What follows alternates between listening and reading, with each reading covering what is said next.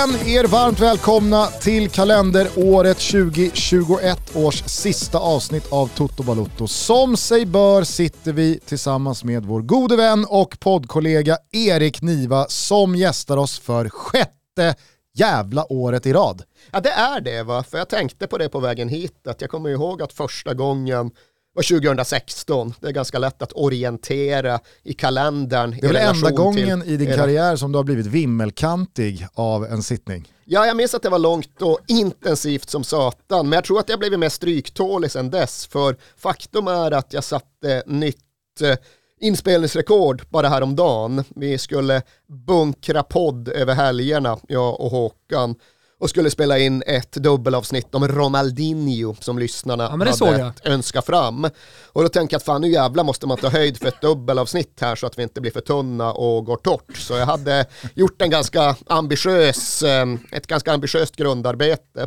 Och det innebar ju att lite knappt tio timmar efter räcktryckning så vacklade jag och Håkan ut. Och tio timmar satt vi fan inte 2016. Vi satt kanske tre och en halv eller något. Ja, det var väl upp mot fyra tror jag. Ja. Men eh, Ronaldinho-inspelningen slog alltså Messi. Alltså Messi-inspelningen var ju feg så tillvida att vi gjorde tre separata inspelningar för tre separata avsnitt. Det var fegt. Ja det var fegt. Nu körde vi då hardcore-varianten, tre avsnitt i en inspelning. Och det var, det var ny påfrestningsnivå. Vi eh, kommer givetvis komma tillbaka till Lionel Messi och eh, hans eh, fotbollsår 2021, men det måste jag säga, vilken jävla tre veckors period det var med det där Messi-avsnittet. Det var episkt och otroligt bra. Mm. Du var nöjd med det? Ja. ja. Härligt. Det var uppriktigt sagt på förhand så att vi inte riktigt visste ifall det skulle bli bra vare sig för oss eller för de som lyssnade.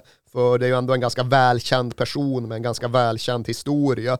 Känns det för förutsägbart och för upprepande att dra igenom grejer som i hög utsträckning folk ändå redan har koll på. Men vi hade väl en förhoppning om att vi kunde sammanhangsätta och komplettera och på så vitt måla upp ett lite mer heltäckande porträtt.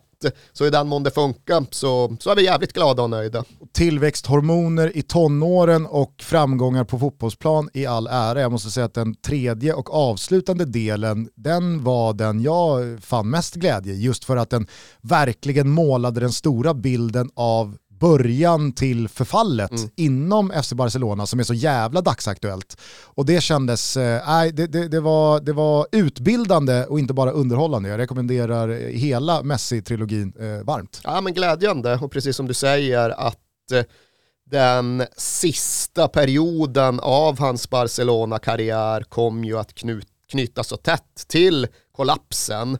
För utan Leo Messi ingen eh, världsdominans, men utan Leo Messi kanske inte heller denna ekonomiska ruin.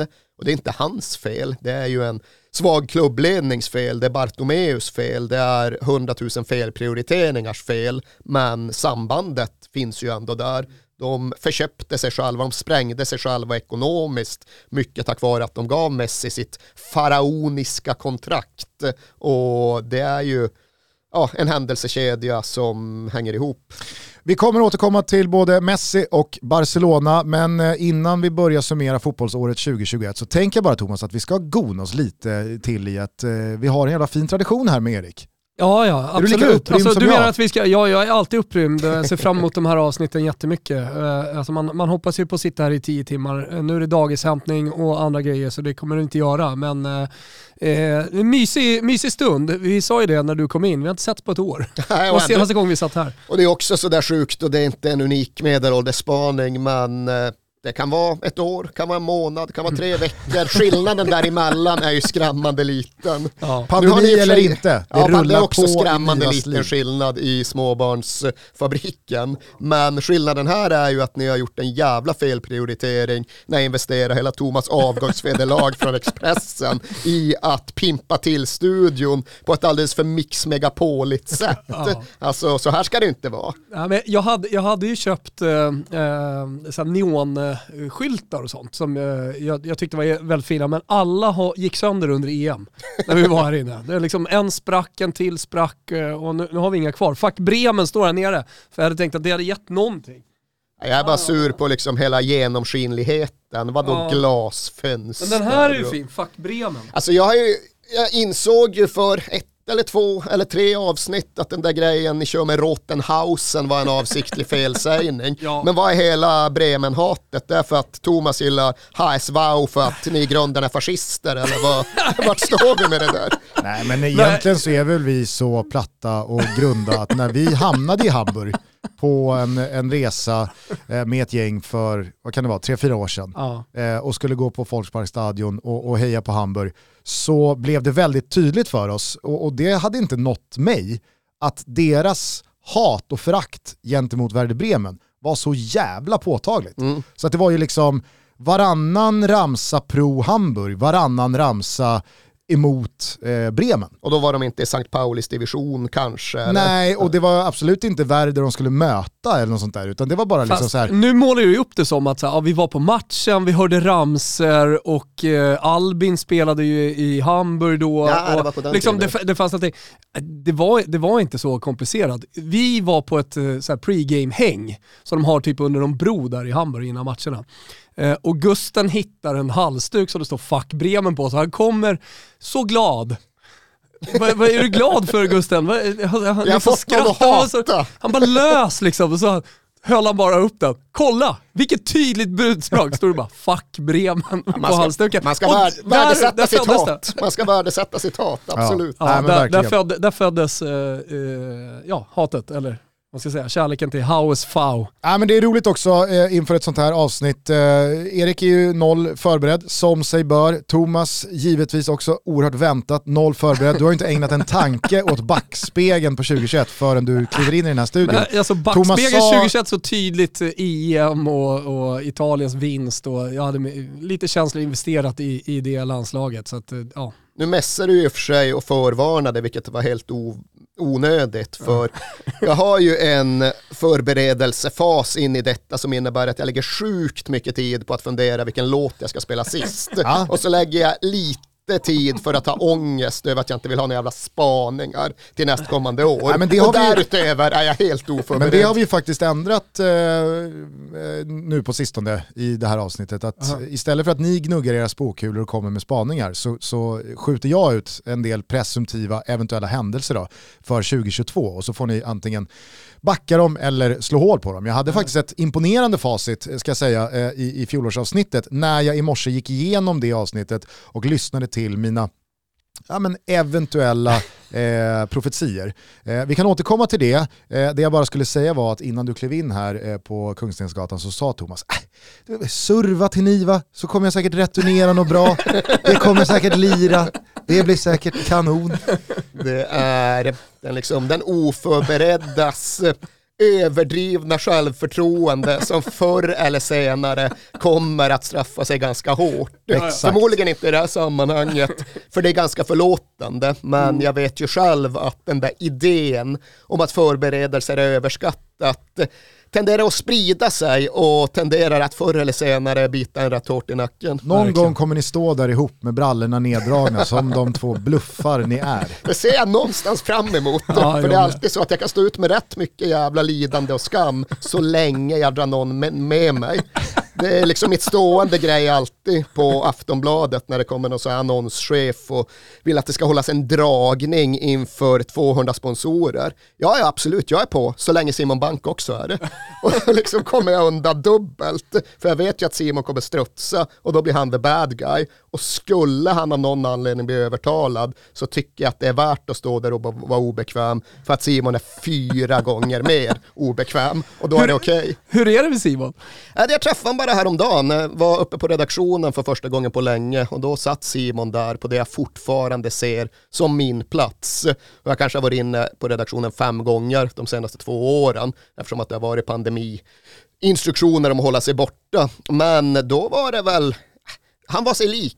Lite jagad, lite stressad, lite missnöjd med att han hade gått med på för många sponsordragningar. Ja. Men annars eh, medelålders välmående. Ja, han brukar ju alltid tidigare i alla fall åka någonstans efter allsvenskan. Eh, det var ett år vet jag han var på Sicilien i mm, nice tre månader. Nice. Många år. Och sen var han, jag tror också Mycket han har varit i något varmt land, eh, sådär långt bort. Han typ var, Karibien. han var ju på någon av de franska kolonialöarna. Kan det ha varit Guadeloupe kanske? Mycket möjligt. Det var mycket socker sockerrör och skit en vinter kommer jag ihåg.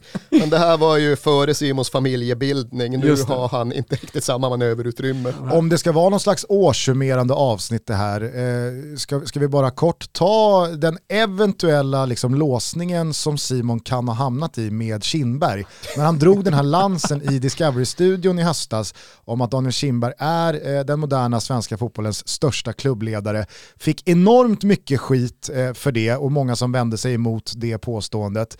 Eh, men när det blev såklart ryggdunkningar från min sida. Ja, så blev det. Påhejande. men, av, äh, av svansen eller av Simons äh, första första påståenden? Nej, av Simons första påstående. Ah, okay, okay. Men när Kindberg nu då blev friad ja, ja, i nej, hovrätten. För inte svansen. Kan det bli så att Bank på något sätt får någon slags roll som en Kindberg-försvarare som man aldrig riktigt ville ha från början tror du? Men det är inte så att Birro kliver in och tar den. liksom det, det, känns som en mer självklar rollbesättning kan jag tycka. och jag misstänker att Marcus Birro hellre vill in i den skyttegraven. Simon är ju ingen skyttegravskrigare som ni vet. Han undviker gärna att ställa sig där med musköten i hand medan Marcus Birro fortfarande har men något väldigt duellsuget i sig. Men jo, håll med om att Simon ändå lyckades hamna där ja, ja. med den där taken. Men det är väl också, alltså, jag kan väl också förstå att formuleringarna han använde sig av skulle väcka anstöt, men nog fan fanns det också ett stort mått av avsiktligt missförstående där. Mm. Jag tycker väl inte det är skitsvårt att lyssna på det Simon säger och förstå uh, rimligheten han ändå bortkommer från. Sen just vår tids största klubbledare, ja, den formuleringen hade väl kanske kunnat skäras ner några hack för att det inte skulle bli det där röda skynket som dolde det andra han sa eller i alla fall ville ha sagt. Jag jag, jag, fattar vart du vill komma, jag fattar vart han ville komma. Jag tror att hela grejen är just att allt runt Kindberg är så jävla infekterat att vad du än säger så blir folk förbannade någonstans. Vad är din eh, magkänsla kring eh, ja, men, eh, vad jag misstänker kommer bli någon slags nytt krafttag här post den friande hovrättsdomen att Kindberg återigen ger sig in i ÖFK. De har förvisso åkt ur allsvenskan men att det ska tas nya tag. Kommer man se Östersund uppe i toppen av allsvenskan igen eller är det här bara ett, eh, ett, ett långsamt steg utför? Jag är ju väldigt svårt att se dem komma tillbaka till toppen av allsvenskan för dels så är väl en viss insyn i hur jävla illa situationen är nu där uppe vad gäller ekonomi, organisation och struktur och precis allting. Så det är ett djupt hål för någon att försöka gräva sig upp ur. Och ifall det nu blir så att Kindberg återvänder, vilket jag inte tror är helt självklart, så tror jag att förutsättningarna är helt annorlunda än de var förra vändan. För då kunde de ju ändå surfa så väldigt mycket på en nationell goodwill som såklart var extra stark uppe i Jämtland och bara den där generella känslan som folk hade av att ÖFK gjorde bra saker den tror jag underlättade väldigt mycket. Och den tror jag ju är så gott som bortblåst nu. Ifall Kindberg återvänder så är det ju väldigt få vare sig nationellt eller regionalt uppe i Jämtland som i första hand instinktivt kommer känna att här kommer det ske bra saker på och utanför fotbollsplanen. Och det tror jag innebär att hela liksom grogrunden är mycket, mycket mindre bördig. Det känns också som att det går ungefär tusen försök på varje Graham Potter i en tränaranställning. Ja, verkligen. Och det går för den delen tusen försök på varje liksom mellanstor svensk stads eh, ambitioner att skapa en elitförening. Och Östersund kom ju till hisnande höjder, men jag tror att ska man just börja om från början, då är det väl den där liksom Linköpings Karlstad-fällan som man någonstans också måste undvika. Ständiga fällan Linköping-Karlstad. Men, men fan, det var De på tal in, bara igår. plockade in Ken Ring i Exakt, våras. exakt den grejen var på tal bara igår, apropå att Ken Ring då tydligen har gått från vaccinmotståndare till väldigt svårt covid-drabbad sjukhuspatient i Kenya. Men vad blev egentligen kvar av, var det Linköpings FC de Mm. hette? De fick inte någon licens för något nu eller? Vi, vi hade ju med Ken, kommer jag ihåg, och pratade med honom precis när han hade kommit till Linköping. Eh, då, då gick han ju från sportchef till klubbchef eh, på några minuter i samtalet. Alltså när ni När vi kommunicerar med pratade. honom, eh, så- i fotboll. men du var ju spo- sportchef. Nej, men jag har blivit klubbchef nu. Jaha, och sen vet jag, jag, vi pratade med honom ute på gatan här för typ en månad sedan.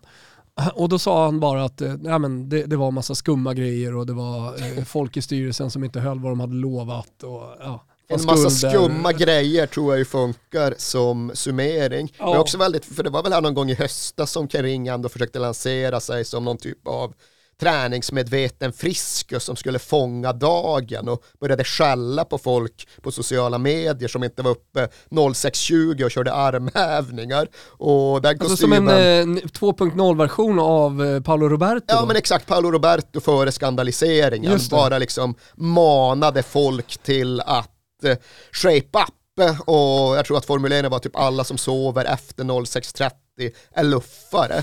Och det kändes som att Ken Ring hade ännu svårare att fylla den kostymen än sportchef slash klubbchef-kostymen i Linköping. När ni hör det här så hoppas vi i alla fall att det har gått bra med Kent. Oh ja. Är, är det någonting jag inte klarar av så är det att Kenta Kofot stryker med i coronan.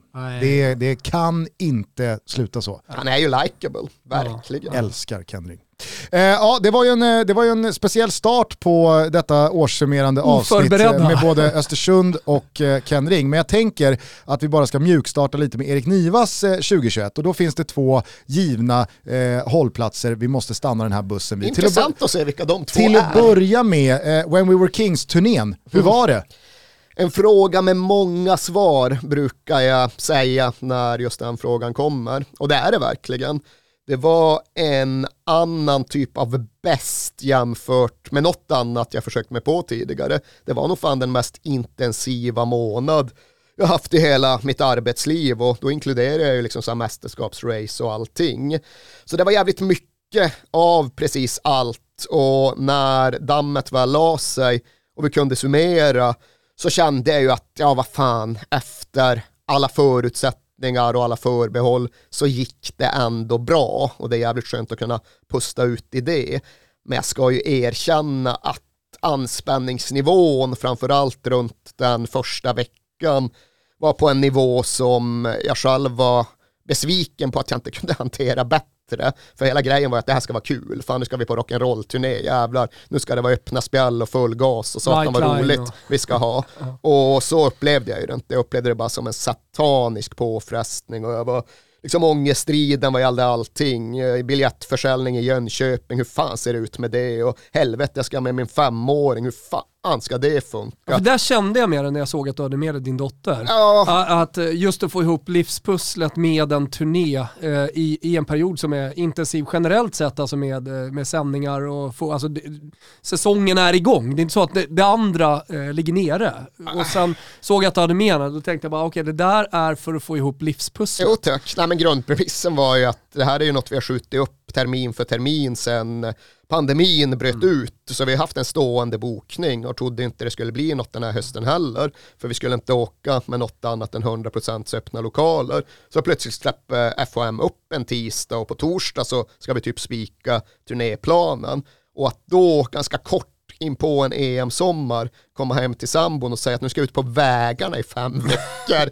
Ja, då blev det femåring med Ja. som enda möjliga alternativ. Ja, men jag kände med det där när jag Ja men bara den grejen, ja, nu ska jag fem veckor på vägarna och åkspendla mellan svenska mellanstora städer och ha med mig en femåring. Bara liksom det upplägget utan föreställning på kvällen är ju en jävla pers. Försökte du dessutom som Thomas självklart också tänka att ja, men det är väl klart att rökiga efterkakor har sin givna plats i det här sammanhanget också? Ja, men det måste det ju ha, för vad är det annars värt? Ifall man inte får sitta på nightlinen och scrolla punk, vad fan är man då på turné för? Mm. Så det måste man ju också göra. Och sen som någon jävla eftertanke, ja just jävla vi ska ha ett innehåll också. Och det är 48 timmar kvar till premiären på Rival och vi har typ ingenting. Men det tänkte jag också på i morse när jag lyssnade i kapp fjolårsavsnittet, att eh, du ska nog tacka din lyckliga stjärna att Gusten Dahlin och Fredrik Wikingsson gick ut och kampanjade för Leicester som julavsnitt i fjol, så att U21-guldet från 2015 då blev ledigt att bygga showen kring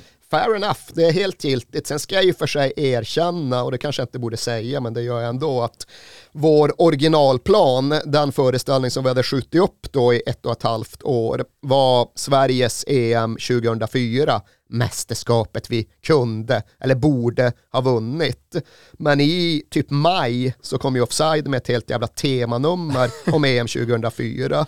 Och det är väl som alltid, det påverkar kanske inte mottagaren så jävla mycket, men det påverkar mig. Jag känner att det är inget kul att åka ut med EM 2004 så tätt in på att de har gjort sin stora grej. Så då fick vi lov att tänka om. Du hade och... blivit Christer Petersson när han lägger ner palmutredningen. ja, det enda han gör är att bara liksom rapa Filters stora avslöjande. Ja exakt, bara den parallellen måste man ju bort ifrån. Så där fick vi också ett ganska tvärt omkast och styra över till U21-erna. Och det ska vi absolut tacka vår lyckliga stjärna för att det alternativet fanns. För han har blivit Ronaldinho det, på det, rival. Det funderar vi ju rätt mycket på nu, att ifall vi ska göra det igen, vad kan man då göra på något som funkar i en massa olika städer. Det är ju lätt att man hamnar på svenska landslaget för det går ju liksom inte att åka ut med AIK 2018 och liksom landa i Göteborg eller vice versa Blåvitt 82 och valsa in på rival. Det funkar ju inte. ja, men exakt. Det är tillräckligt mycket bu ändå. Så fort man nämnde Alexander Milosevic så skulle halva salongen i Stockholm, två tredjedelar av salongen i Stockholm bua. Ja. ja, nej men vad fan, det här blir ju ett vindlande svar på en ganska enkel fråga. Det var lyckat, jag är glad som fan att vi gjorde det, men jag är lite besviken tanken på mig själv att jag blev uppstressad på ett sätt som jag tycker att jag borde kunna undvika. Jag måste kunna hantera det bättre, jag måste kunna välja glädjen på ett sätt som inte riktigt ligger för mig. Men ger det ett halvår till så blir det väl som Roskildefestivalen man var på eller lumpen man aldrig gjorde. Folk säger ju att det enda man minns är det som var kul, inte att man låg bakfull som en tvättbjörn i ett tält 16 timmar i sträck. Du eh, är inte jätteledsen i alla fall att det inte är en vända till här nu om två veckor. det, det, kan vi konstatera. Eh, det, just nu känns det avlägset att åka ut igen och det är inte för att det inte blev bra eller för att vi tyckte det var trist att möta allt jävla folk som ändå dök upp och var glada. Det var ju fantastiskt men fan det var mycket med mycket runt allt det där. Mm. Gusten stekte ju vår turné. Ja visst fan, ja. ni hade en inbokad ja, pandemivåren va? Ja exakt, den var slutsåld. Vad var upplägget där? Hur... Nej, upp, upplägget eh, innehållsmässigt eh, hade vi inte kommit speciellt långt. Eh, Man gör men, sällan det, det kommer ja, ju sist liksom. Live Nation, de sa nu säljer vi skiten i den här, vilket vi gjorde. Eh, och sen, eh, ja då hade vi ju Storan och vi hade Cirkus här i stan och ja, massa, massa ställen, åtta städer tror jag runt om i Sverige som var ah, slutsålda. åtta, vadå då? Thomas skickar ju fram hummen och det enda han tänker på är någon slags liksom, sifferkalkyl. Vad landar på kontot? Ja, ja, här har du hummen, det här löser vi. Fan heller. Gusten jag... ser säkert till så att det här blir något bra innehållsmässigt. Helt ärligt så var det inte så jävla mycket pengar som vi skulle tjäna på den där turnén. Däremot så såg jag fram emot, en, en, precis som Erik säger, liksom, fem veckor på vägarna. Låt oss ha jävligt roligt. Eh, men jag märkte ju närmare vi kom att vi hade precis samma känslor fan, kanske den här pandemin räddar oss ändå. För att vi har ångest kring innehållet och vad vi ska göra och sådär. Det hade säkert blivit skitbra, vi hade löst det. Eh, och det hade varit jävligt kul att träffa alla människor, för det tycker jag verkligen är kul. Men, eh, men på ett sätt, lite skönt att det inte blev av också. Så det är ju en jävla extrem sport eh, live mm. och det är det som är bo, det är det som är hela grejen, det är det som ger existensberättigande.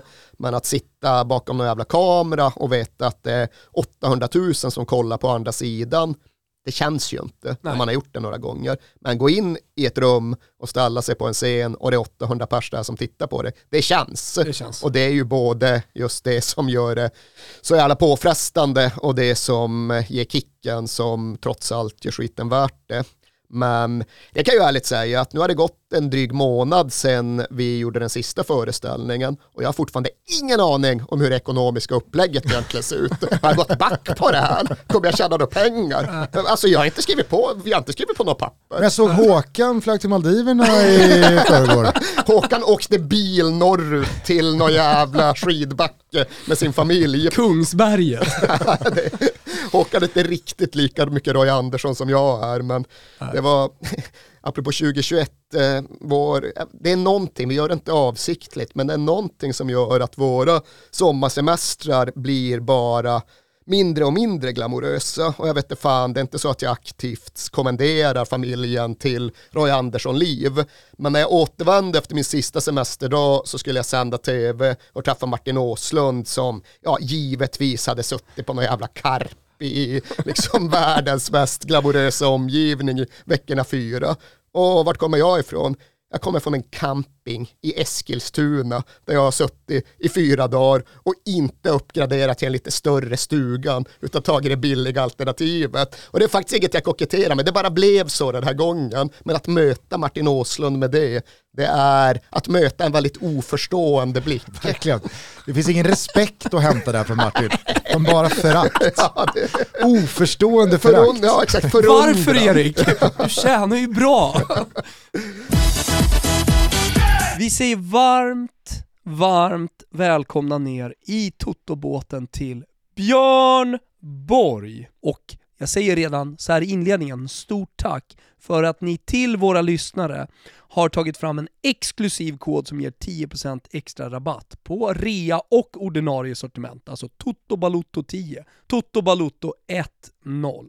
Ni vet Björn Borg som har designat produkter som kombinerar unikt uttryck, bra funktionalitet och långvarig kvalitet. Deras uppdrag, som de själva säger, är att inspirera människor att bli mer genom deras tro att sport kan få sinnen, själar och kroppar att bli något mer än vad de är idag och att vem som helst kan bli precis vad som helst. Och det här är ju faktiskt ett budskap som jag verkligen skriver under på, med tanke på min historia och eh, karriär. Hur som helst, Björn Borg vill inspirera till Train to Live, en tro om att träning som ett av de mest effektiva verktygen för att bli den bästa versionen av sig själv. Det handlar inte om prestationen i sig, att lyfta tyngre, springa snabbare eller hoppa högre, utan vad man får ut av träningen i sitt övriga liv. Mer fokus på jobbet, större kreativitet, mer tid för barnen, mer energi för barnen, eller bara bli en bättre polare eller en partner. Björn Borg är så mycket bra, lyssna bara. Deras senaste klädkollektion består som minst av 70% hållbara material eller stödjer Better Cotton. Jag eh, älskar ju deras eh, kalsipper va. Jag eh, tycker att de är helt jäkla överlägsna. Men Björn Borg är ju så mycket mer än det. De har accessoarer, väskor och så vidare. Men jag skulle också vilja slå ett extra stort slag för deras träningskläder. De är stilrena, de är snygga och funktionaliteten är topp, topp klass. Gå in på björnborg.com, klicka er runt, jag lovar, ni kommer att hitta något och vi har en kod, TOTOBALOTTO10. Jajamensan, TOTOBALOTTO10 är aktiv från den 30.12 klockan 00.00 till den 31 januari klockan 23.59. Den är helt exklusiv och den ger 10% rabatt på rea och ordinarie sortiment. In och kika runt bland deras fantastiska träningskläder björnborg.com, koden här TOTOBALUTTO10. Passa på nu, den gäller som sagt fram till den 31 januari. Vi säger stort tack och varmt välkommen ner i Toto Balutto-båten Björn Borg. Eh, den andra hållplatsen man måste stanna till vid när man eh, vill fråga Erik om hans kalenderår är ju givetvis eh, Tottenham Hotspur-stationen. Fyra tränare under kalenderåret 2021 eh, räknar jag det till. Ja, Ryan Mason ska med, absolut. Såklart, eh, och det har ju varit eh, upp och ner och höger och vänster och stormigt så det förslår inte bara på tränarpositionen utan kanske framförallt med den soppa som hette Harry Kane till Manchester City post-EM och egentligen efter det en eh, anfallsikon eh, och superstjärna som inte stått att känna igen under första halvan av Premier League. Hur har eh, Tottenham-året varit? Ja, det är ju precis som du indikerar varit stormigt och omtumlande. Men ja, de första åtta, nio månaderna hände ju fan inte en positiv sak. För vi kan väl återvända lite till hur du och ni känner för José Mourinho. Men dra åt helvete vad jag och vi var trötta på honom. Så verkligen framme vid den där punkten där förlusterna knappt kändes för att vi visste att det tog oss närmare att slippa gubbjäveln. Hur kände du inför ligacupfinalen som han ändå hade chans att vinna och således då ta en titel, en i Tottenham-led jävligt ovanlig och unik titel, den senaste var väl 2008-2009 någonstans? 2008 ligacupen. Ja, eh, att, alltså, vad, vad kände du inför den eventuella titeln?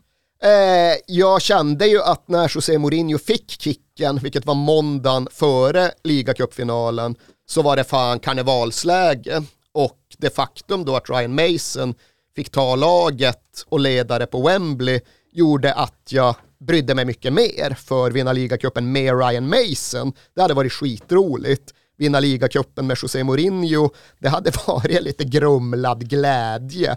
Det hade inte varit något som kändes eh, odelat positivt. Så trött var i alla fall jag på honom att det färgade hela min upplevelse av Tottenham på våren. Och sen vet jag ju att jag tror att när allt kommer kring så är han rätt nöjd att han fick kicken när han fick kicken, för då kan han alltid fortsätta kunna säga att ja, mitt uppdrag var att vinna titlar med Spurs och jag hade tagit laget till en final och naturligtvis skulle jag ha vunnit den som den jävla serievinnare jag är. Jag fattar att han kommer kunna använda sig av den retoriken, men möjligheterna som jag uppfattade att vi skulle slå Man City med Mourinho var 0,2 procent. Mariah Mason kanske var 0,1 men ja vad fan, det, det tuggade jag gladeligen i mig. Så det fanns ingen så här liksom bitterhetsbesvikelse i att inte Mourinho ledde oss till Wembley för att maximera våra chanser. Tvärtom. Om vi tar eh, Harry Kane-grejen då, det var ju en eh, riktigt rörig augusti månad där, där eh, jag vet att du och jag gjorde något avsnitt eh, i, i skarven eh, juli, augusti, Thomas, eh, där vi mer eller mindre slog fast att Kane är klar för Manchester City. Jag tror vi till och med skapade något slags bett på hur många mål, jag, jag, tror, jag tror att jag sa Harry Kane kommer göra 100 Premier League-mål de kommande tre säsongerna. Spåkulorna tar och spåkulorna ger. Absolut, men där och då så kändes det som att det här är pusselbiten City saknar post-Kunaguero och det känns som att det här är steget Harry Kane behöver ta för att verkligen få ut maximalt av sin ja, men både individuella karriär men också kanske titelmässiga klubblagskarriär. Eh, sen blev det ingenting, vi alla vet att han är kvar i Tottenham och det har ju varit för oss utomstående en märklig känsla av att vi skulle ju skilja oss och du hade ju träffat någon ny och men nu är vi fortfarande tillsammans och ska vi våga älska varandra igen? Eller hur, hur har du sett på det här halvåret som varit? Ja, men det är klart att det är ungefär på det sättet att illusionen, vår idé om den oantastlige på något sätt har naggats och där finns det olika förhållningssätt bland Tottenham-anhängare. Men för mig så har det ju varit så under rätt många år att Harry Kane i mina ögon har varit ja, men den största vi haft under min livstid, den jag känt starkast för under min livstid, men där jag alltid på frågor också har sagt att jag befarar ju också att han kommer lämna på ett sätt som gör ont. Så att jag alltid brasklappat med att hålla Ledley King lika högt vid sidan för honom fick vi ha kvar. Hans knän var så obroskiga att han inte kunde gå någonstans och därför blev hans legend obefläckad. Men farhågan om att precis detta skulle ske har ju alltid funnits.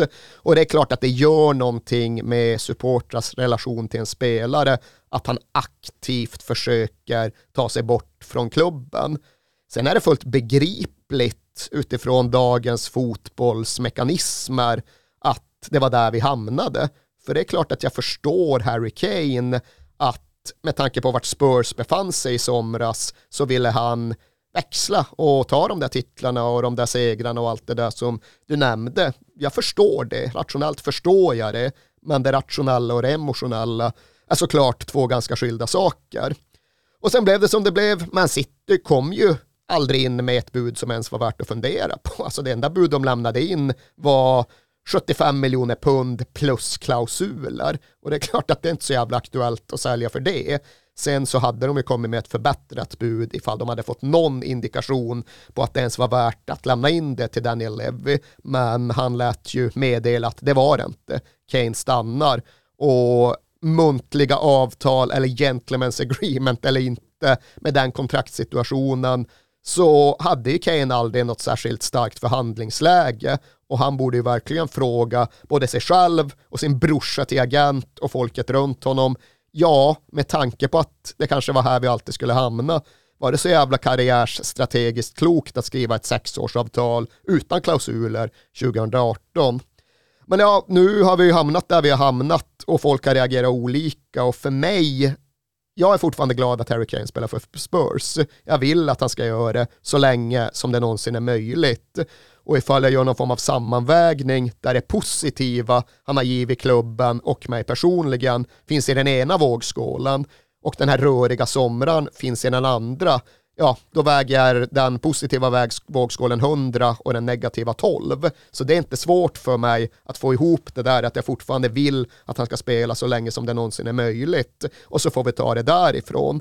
Sen har han ju sett blek ut så gott som hela hösten och det har ju han ett ansvar för och han spolierade sin försäsong mer eller mindre självmant. Men det är också i rätt hög utsträckning en konsekvens av hur fantastiskt fantastiskt dåliga vi var under Nuno Espirito Santo. Det var liksom det sämsta med Mourinho-fotbollen, förutom den här psykotiska karisman. Det var, ja, det var så jävla dåligt. Påminner dock alla om att efter tre omgångar toppade Tottenham, full pott. Jo, men du hade inte fått mig att höra, fått mig att säga att oj, nu är vi på väg åt rätt håll, vad bra allt ser ut, nu bygger vi något vi tror på, utan det var ju ren jävla bontur som gjorde att vi slog. ja, det var det faktiskt. Ja, framförallt Wolves borta, även Man City hemma, ja. fanns ingenting att ta med sig därifrån. Men eh, hur representativ skulle du eh, tro att du är för den breda massan vad gäller ditt sätt att se på Harry Kane och relationen honom och Spurs emellan? Idag? Jag är mer förlåtande än genomsnittssupporten. De, många, både de som inte bryr sig så det är jättemycket och de som bryr sig jätte, jätte, jättemycket har väl svalnat mer än vad jag har gjort. Uh, och It's to their own, jag har ju liksom kommit rätt långt bort ifrån det här att försöka mästra andra kring hur man är som en riktig supporter, vad som är rätt tänkande och vad som är oacceptabelt. Så folk får väl förhålla sig hur fan de vill, men Igår när vi spelade in det här mötte Spurs Liverpool och det var ett sjöslag till match och det var första gången på länge som det ändå kändes som att Tottenham spelade en fotboll som engagerade. Och många av dem som ja, folk kanske hade tröttnat på och velat skriva av och som har varit med oss länge. Liksom Eric Dyer, Harry Winks, Dele Alli och då Harry Kane gjorde sina mest engagerade insatser på i alla fall hela det här kalenderåret vi pratade om.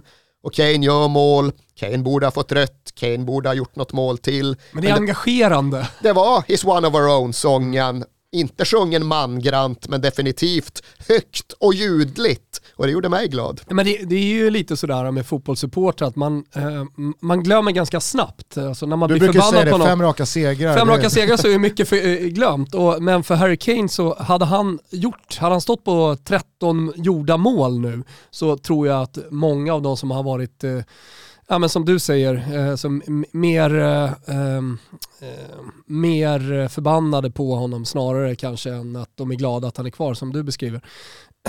det, jag tror att de hade också varit lite mer eh, vågskål 100, vågskål 12.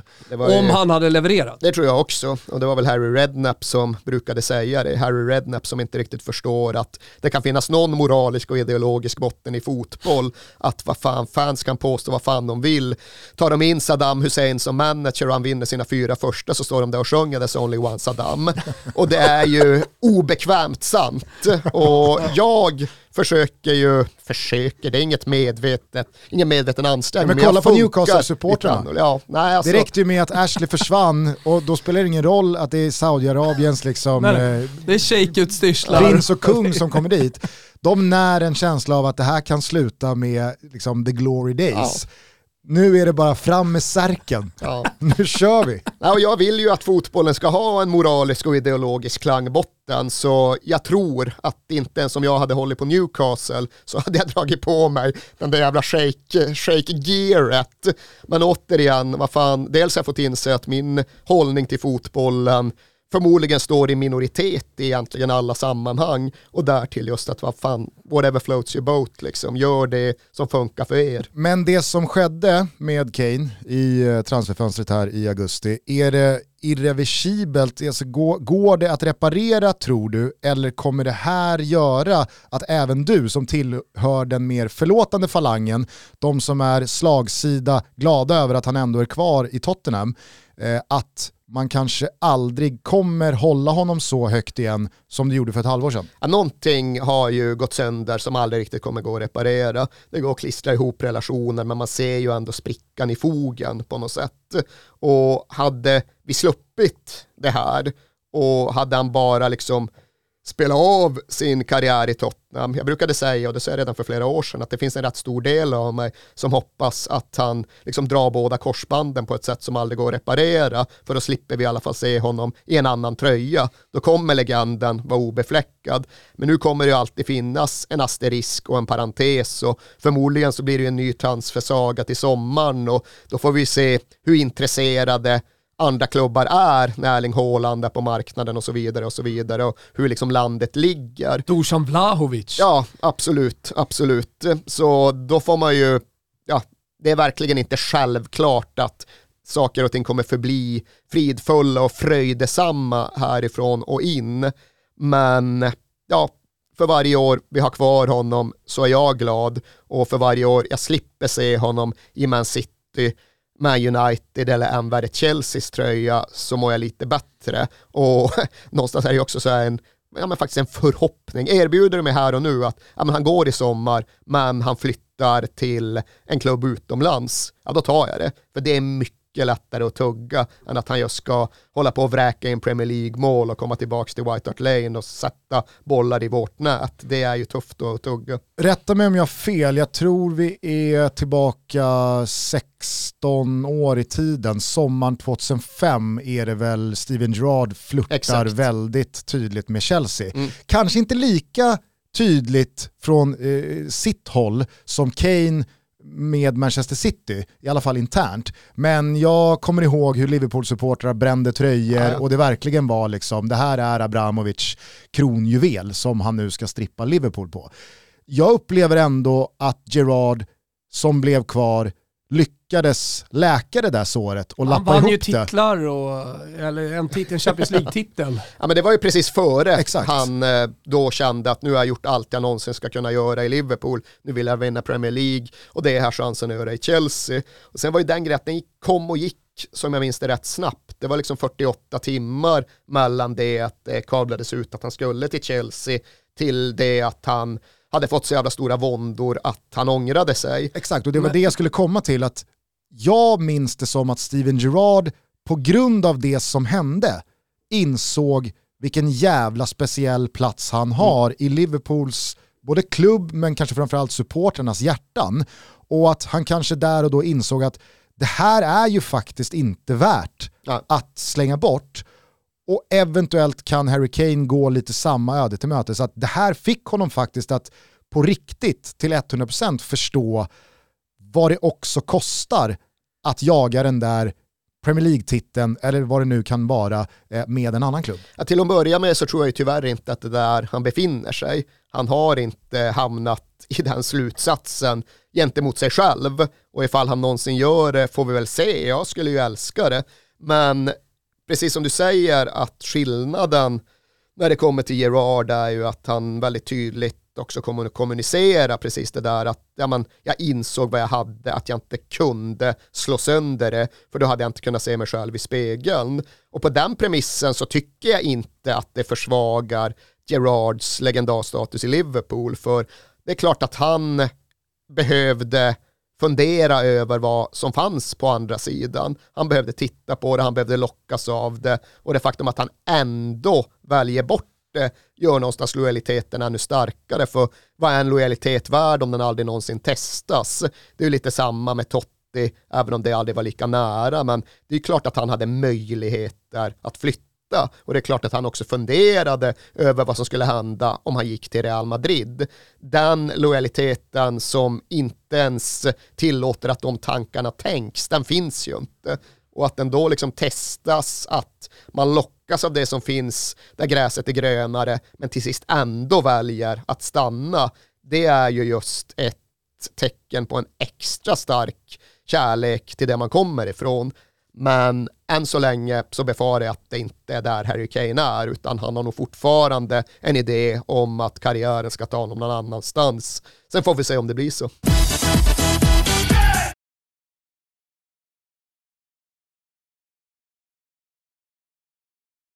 Allmänsummerande 2021-segmentet. Eh, det spelades ju ett Europamästerskap i somras, över 12 eh, länder var det va? Eh, men aldrig, vågar jag påstå, har så få lag gjort ett lyckat mästerskap som i somras. Jag säger att Italien, England och Danmark kvitterar ut mer än väl godkända betyg. Men annars, ja. Schweiz. Ja exakt, Österrike.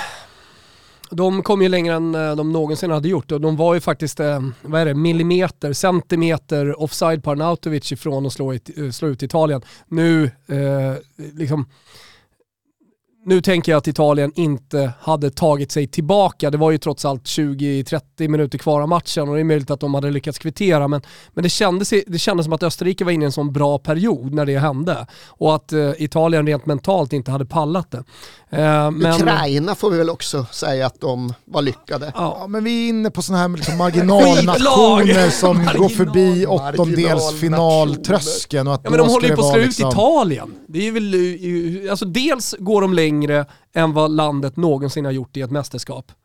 Eh, och dels så eh, håller de på att slå ut eh, Europamästarna, de som sedermera blir Europamästare. Ja, det, det, det, finns väl några länder någonting som... om Spaniens, eh, liksom, eh, att de växte under turneringen och eh, är ju väldigt nära den finalen också. Mm.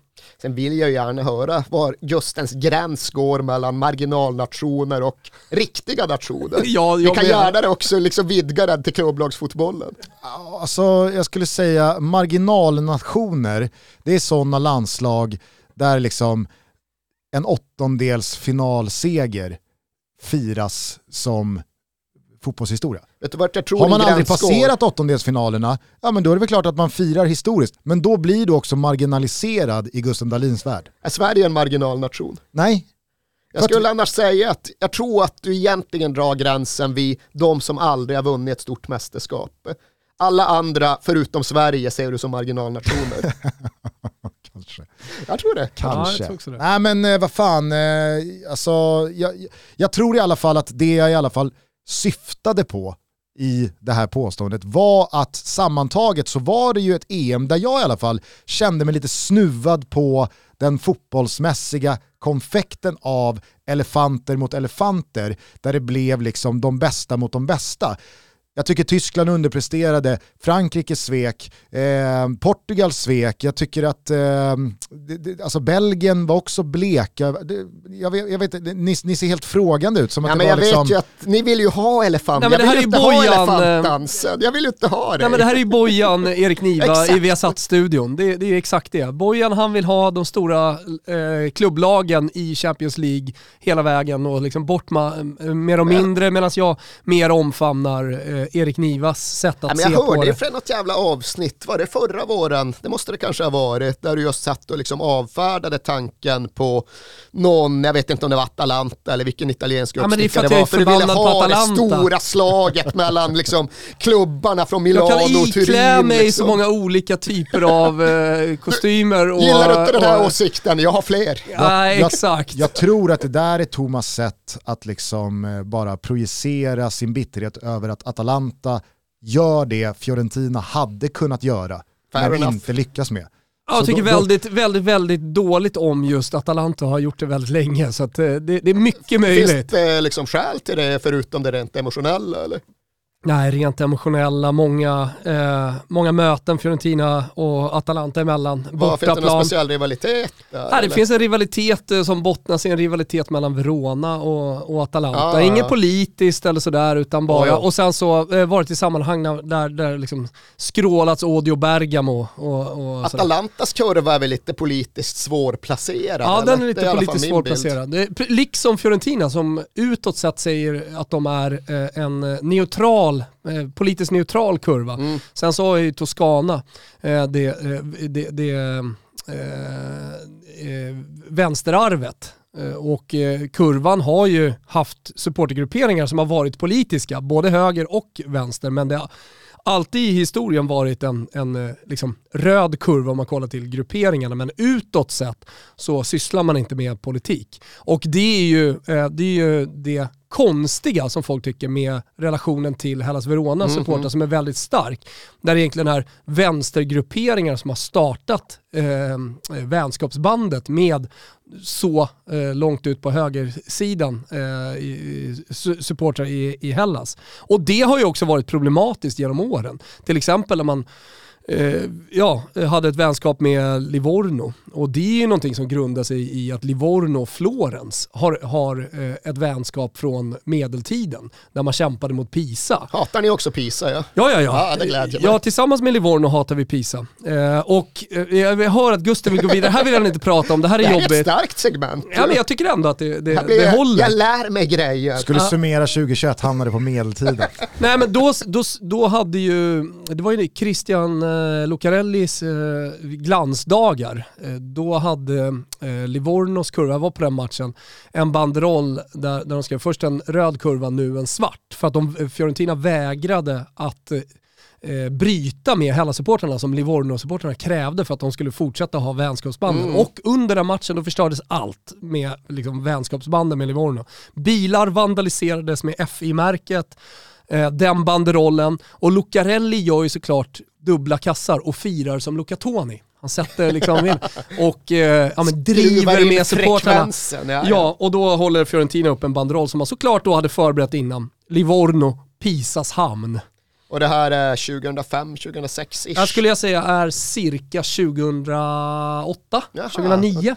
Det är när han kommer tillbaks då, Luca. Precis. Ja, ja, ja, Vinner ju faktiskt skytteligan i Serie A, helt otroligt. Har ni, har ni gjort Memory Kings på Lucarelli? Nej, men det Där har ni ett fint avsnitt. Jag är lite sugen på att göra brorsorna Lucarelli då, mm. så att man får med liksom Parma-bandieran också. Blir det det första avsnittet When They Were Kings? Det kan ju bli så. Man måste ju på något sätt nyans, hitta nyansskillnader som kan ta konceptet lite vidare för annars kör man fan slut på det ganska snabbt. Så där tänkte jag och Thomas första två tre åren också. och här sitter hur, hur, kan, hur, kan, vi liksom, hur kan vi uppdatera, vad kan vi göra nytt till nästa år? Niva slut... sjätte året i rad, bokat! till slut så landade vi bara i, vet, nu rullar vi bara, det här är bra. Det här är det folket vill ha, nu rullar vi bara på.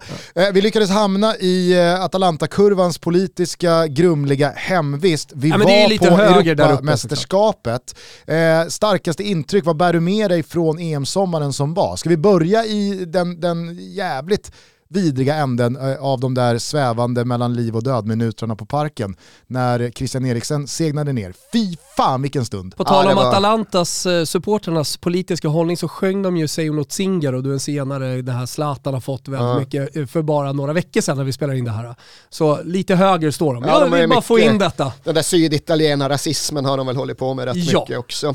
Men ja, Christian Eriksen, det var ju det var verkligen fasansfullt och jag var på parken när det hände och upplevde det, jag uppfattade det som att han var borta liksom. Ja. Det var verkligen den känslan som fyllde mig under några minuter.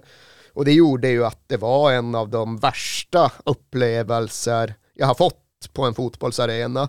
Och den satt ju emotionellt någonstans kvar även när det visade sig att det mesta verkade ha gått bra. Eh, och är svårt att sätta ord på det och jag vet ju att eh, just formuleringen som jag använde mig av någonstans, att det var bland det värsta jag hade upplevt på en fotbollsarena, var det som missuppfattas för, ja men det har ju dött 39 stycken på Hayes. Jo men jag var inte där. Jag hade aldrig sett en människa dö på en fotbollsarena. Nu trodde jag att jag gjorde det och jag ska inte heller förneka att det finns en liten en extra känsla för Eriksen efter alla år i Spurs, kändes som en av våra egna, det är med. Och så tyckte jag att jag såg honom dö framför mina egna ögon. Det var vedervärdigt och det satt kvar i mig flera dagar efter att jag hade förstått att det ändå var relativt lugnt. Så oerhört jävla speciell fotbollsdag på ett eh, i grunden negativt sätt för mig själv i alla fall. Jag eh, gjorde ju min eh, mästerskapsdebut som programledare. Man ska börja, den, man ska börja där, den det, dagen. där det bränns. Ja, det var så jävla speciellt. För att jag menar, det, det var ju som du säger, alltså, vi ser ju också bara att alltså, vi sitter och tittar på skärmarna och dessutom på några skärmar med feeder som inte går ut mm. i, i, TV4 eller på Simor eh, och som inte klipper bort från någon, till någon beauty eller går på reklam eller bryter sändningen och sådär, utan feeder bara som rullar. Och där, alltså jag, jag ser, han, han, han dör. Mm. Alltså han är död. Men det gjorde han ju. Han var väl ja, ja, ja, kliniskt och, och det, var, det var så tydligt att, så att säga, det gick att se. Mm. Lotta Schelin bryter ihop och börjar liksom storgråta. Jimmy Durmas går in i någon slags här, typ, psykos där han börjar liksom be på typ turkiska. Och jag och Kim Källström reagerar alltså, väldigt likadant i att så här, alltså bara, alltså, han, han dör. Alltså mm. skriker bara, han är död. Och så, du vet, Äh, det, det, det, var, det var så jävla speciella minuter och att man sen ska in i en sändning och jag, och jag tror att det jag blev liksom, ja men det, det, det som förvärrade allting, det var det här budskapet ganska tidigt om att matchen ska spelas vidare. Visst, den ska återupptas. Och det var bara så fel allting och det, jag vet inte, det, det var... Oh, det var så jävla hemskt. Ja, det var ju också för, ja, jag var ju där som sagt på parken och kunde konstatera att informationen som publiken fick var ju väldigt knapphändig och otydlig. Och jag minns det i och för sig som att eftersom att jag hade liksom, ja, men full wifi och kunde följa sociala medier så förstod jag efter någon halvtimme eller något att ja, han är vid liv och han är förd till sjukhus och tillståndet är förhållandevis stabilt. Men det var ju ingenting som kommunicerades ut på läktarna på ytterligare en kvart, 20 minuter eller något i den stilen. Och jag fick aldrig känslan av att matchen skulle återupptas innan det lugnande beskedet hade kommit. För det hade, liksom, det hade inte gått att bära. Utan jag uppfattade det i alla fall som att först så visste ändå de berörda att han var vid liv, förd till sjukhus, tillståndet var stabilt. Sen kom beskedet om att matchen skulle återupptas. Men det var väl de som just hade följt wifi och eh, en vana av att följa nyhetshändelser i realtid samt de berörda nere i katakomberna. Åskådarna visste i grund och botten inte ett skit fick jag känslan av. Nej. Hur, fan, det... alltså, hur var det sändningsmässigt för er? För jag var ju inte i Sverige och kunde se sändningarna men jag noterade ju att ni fick skit för att sändningen avbröts snarare än uppdateras. Hur... Jag, eh, jag tror att i ett sånt där läge... Ja, men i, så... samma, i, samma, I samma veva, jag ska säga det eftersom Erik tar upp det, eh, så sände ju SVT. Ja. De hade ju inte matchen, just den matchen, men de sände för de skulle kliva på en annan match och de hade börjat tidigare. Så att eh, medan TV4 då gick ner i sändning så gick de upp. Och, SVT och, med den pålitliga lägerelden. Ja, När det väl bränner till då ja, är det det statliga exakt, man vänder sig till. Exakt. Ja, men, eh, eh, precis som Thomas säger, alltså, SVTs sändning går igång 20.00 inför 21-matchen. Och det hade den gjort alldeles mm. oavsett. Och då liksom, förhöll det sig ju så att vår sändning skulle gå igång igen i förhållande till att matchen skulle återupptas. Mm, mm. Men att det då blev tio, tio, minuter senare eller en kvart senare, eller vad det nu blev. Eh, men eh, jag tror, och, och jag, jag liksom kände verkligen det efteråt och det märkte man ju på alla reaktioner. Det, det går ju inte att hitta en lösning i det där läget som alla tycker är bra. Vissa vill att sändningen ska fortsätta och man ska gå in i studion och man ska uppdatera löpande. Vissa tycker att det är helt rätt. Bryt. Vad fan ska vi hålla på liksom kolla på det här för? Nu är det bara liksom tydliga, det, det som var faktakollade lite... besked som kan kablas ut. Det, det är det viktiga. Andra tycker, ja, så här, det, finns ju ingen, det finns ju ingen väg att gå där som alla tycker är den rätta. Eh, men, men det är klart att det var, det, var, det var jättesvårt. Och sen så blir det ju också speciellt för Kim, Jimmy och Lotta åtta som sitter i den där studion i eh, roller av fotbollsexperter. De, de kan ju inte bli liksom... En... Kardiologer. Nej, och de kan heller inte bli Olof Lund i liksom det journalistiska, i att hänga med, alltså sen nyhetsvärdera och, och, och, och sålla mm. från allting som strömmar in när sånt där sker, utan de, de blir ju bara människor i det där läget också. Ja, jag vet inte, det, det, det, var, det var en jävla svår stund i alla fall. Eh, som jag är oerhört glad över slutade som den gjorde. Mm. Och att Danmarks mästerskap sen blev som det blev. Det, jag unnar inte danskarna mycket, det ska sägas. Det ska gudarna veta. Jag har inga problem med Danmark. Jag fan... Nej men det har jag. De har Werder Bremen. Vilka ja. hattar du mer? Eh, Norge. Ja, okay. och eh, Finland. Lazio. Och Lazio. Absolut. Eh, nej men, eh, i, i det här fallet så kunde jag faktiskt unna eh, danskarna en, en framgång efter det här. Eh, jag vet inte, vad, vad vet ni det senaste om Christian Eriksen? Alltså, det har ju rapporterats från Italien nu att eh, Inter ska ja, men bryta kontraktet, går ju ut nu tror jag. Jag tror det eh. verkställdes någon form av brytning ja. bara häromdagen. Liksom. Exakt. Och det är ju för att det tydligen är enligt lag förbjudet att spela med den typen av, vad säger man, hjärte man har väl någonting inopererat, någon ja, slags pa alltså, den, eller, jag vet, pacemaker. Ja men, den men, typen av Någon slags hjärtstartare eller? Får man tydligen inte spela med Italien, Nej. men det är tillåtet i andra delar av fotbolls-Europa. Så som jag fattar det så tränar han ju just nu på Obe Odenses anläggning. Han är ju därifrån, det är liksom hans hemmaklubb, men han är inte i kollektiv träning med laget på något sätt, utan han nyttjar de faciliteterna, men tycks väl ändå ha avsikten att återvända till professionell fotboll. Och då har ju pratats om Ajax som en tänkbar destination och ja, vad och just där spelar väl Daley Blint med samma typ av pacemaker Ja, så kanske det är. Han har ju någonting. Ja. Och säger du att det är samma grej så stämmer det säkert. Och det vore ju liksom emotionellt och eh, logiskt eh, rimligt på alla sätt och vis. Ajax där så mycket en gång startade för Christian Eriksen och så vidare. Så hoppas det blir så. Han får jättegärna komma till Spurs för mig, men det är väl kanske inte det är kanske inte den bästa idén för någon berörd. I eh, andra änden av minnesspektrat då, från Europamästerskapen i somras. Italien vinner guld om du Thomas ur något slags italienskt historiskt perspektiv ska försöka sätta ord på hur både oväntat och stort det här guldet var.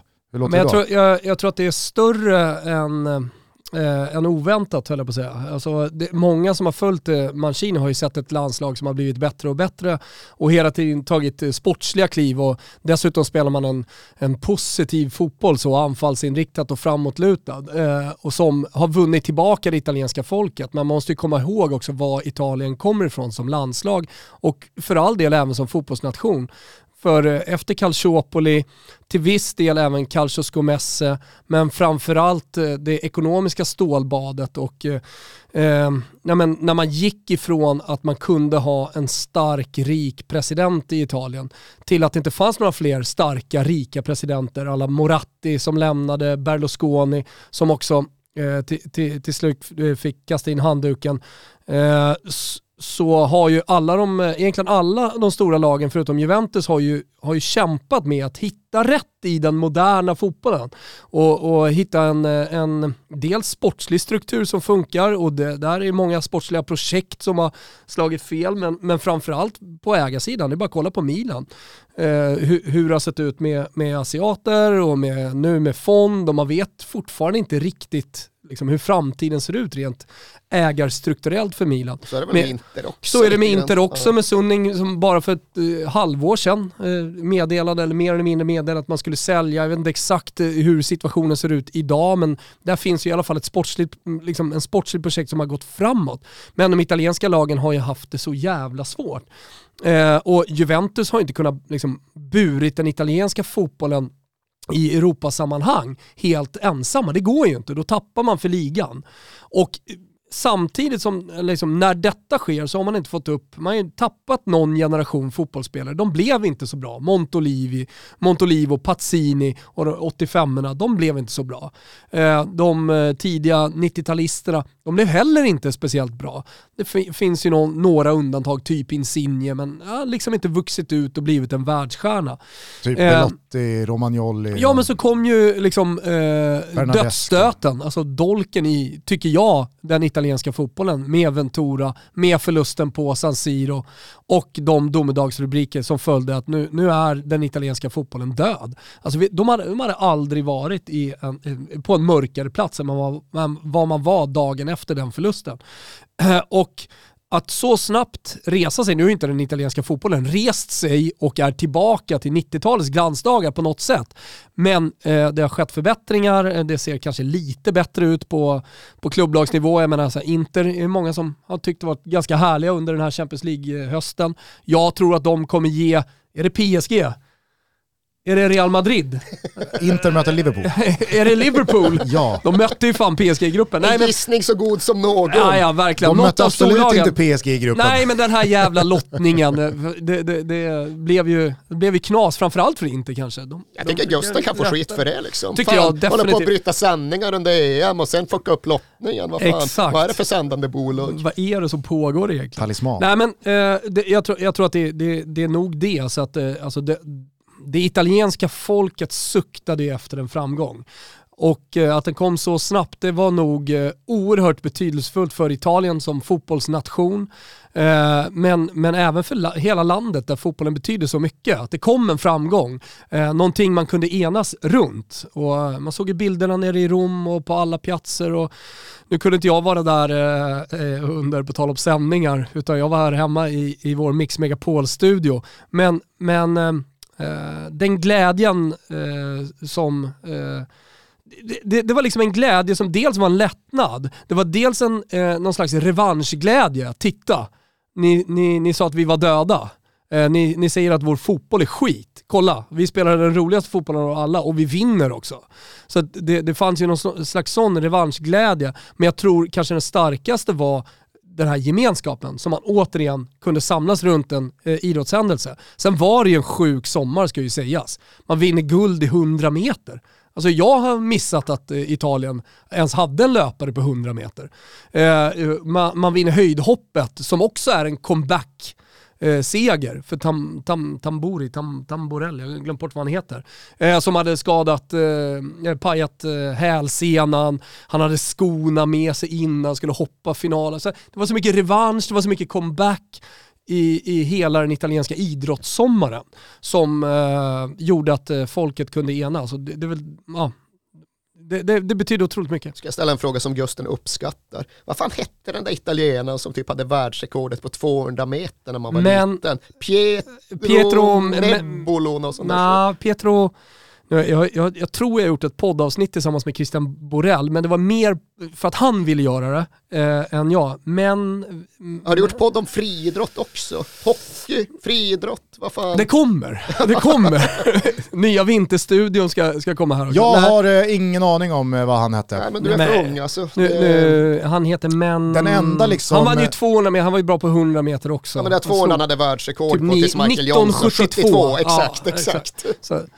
Den enda italienaren från liksom annat idrottshåll som jag liksom bär med mig från ungdomens dagar, det är dels Alberto Tomba ah. eh, och sen eh, motorcyklisten. Vad heter han? Men du gillade inte... Thomas. Vad sa du? Motorcyklisten. Eh, MotoGP. Exakt. Ah. det var svaret ja, det, du fick. Vad hette han? Eh, Pietro Menea hette han ju såklart. hette han ja. Pietro Menea, nu har jag liksom lyssnarna skrikit ut Pietro Menea. Valentino Rossi. Valentino Rossi. Ja, men jag säger motorcyklist, jag tänkte på motocross, jag bara vilken jävla motocross var det? Nej, Valentino Rossi, han kör fortfarande. Ja, jag säger Nummer? Det, det har jag ingen aning om. För mig var det ju längdåkarna, fatta Maurizio Detzolt med sin ja. jävla intensiva åkstil och sen graciösa Manuela Di Centa. Ja. Sen gillade jag Troligt Ferraris andra gubbe bakom Schumacher, Ruben Baricello. Är han italienare? Det är han Känns som en brasse va? Han är ja, typ brasse. Jag trodde han var jätte-italienare. Nej, nej, nej. Han var inte italienare. Jag skulle säga att Baricello som, som du säger, han är ja, ja. Det, det, är mycket tunn is nu. Ja, nu det. det får man säga. Eh, var Italien eh, dina värdiga mästare också? Absolut värdiga mästare. Sen är det ju som det är med mig, att fan jag kommer från en barndom och en uppväxt med anglofili som innebar att jag liksom höll på England lika mycket som jag höll på Sverige genom 80 och 90-talen. Det där fejda, numera så känner jag inget speciellt för engelska landslaget, men visst fan hade det funnits någonting i att till sist få se dem vinna ett mästerskap på Wembley. Så hade jag fått välja en vinnare i finalen så hade jag inte valt Italien. Sen tycker jag ändå att det fanns, även om du är missnöjd med marginalnationerna så fanns det rätt många fina stora berättelser i EM. Danmark och Eriksen var väl uppriktigt sagt den största.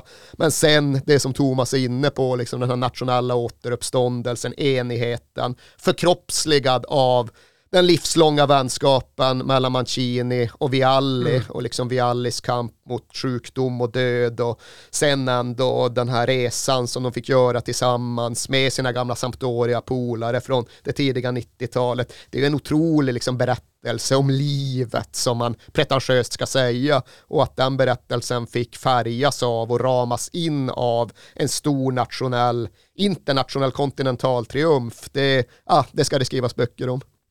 Eh, hur stor skillnad tror du det hade gjort för England, för landslaget, för Gareth Southgate, för den engelska fotbollen om man faktiskt vunnit? Alltså, ifall vi vidgar det ytterligare lite och liksom Thomas pratade om vad det betydde för den italienska nationen så vill jag ju tro att det hade tagit oss en bit på vägen mot att läka de enorma klyftor som har uppstått i Storbritannien. Storbritannien är ju idag mer delat än vad jag har upplevt det under min livstid.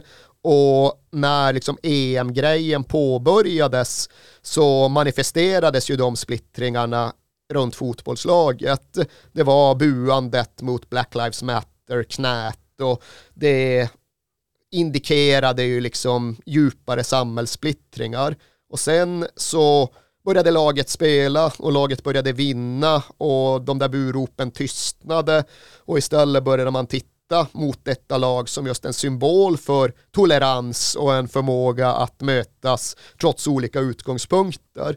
Och den grejen hade ju multiplicerats ifall de faktiskt hade vunnit. Då hade de ju blivit förevigade och förgudligade och ett föredöme som folk hade vänt sig till i varenda jävla diskussion. Och det hade inte läkt Storbritannien, det hade inte dragit Brexit tillbaka, men det hade framförallt blivit det där starka symboliska exemplet. För jag fick ändå känslan av att alltså, som vi inledde det här EM-snacket med, att vissa länder sprängde barriärer och, och, flyttade fram gränserna och nådde sina absolut största mästerskapsframgångar någonsin. England spelade ju faktiskt en mästerskapsfinal för första gången på, alltså så här, i, i, har de varit i en final sedan 66? Nej. Exakt, så att vi, vi, vi, pratar jävligt många, 55 år mm. har de inte spelat en mästerskapsfinal.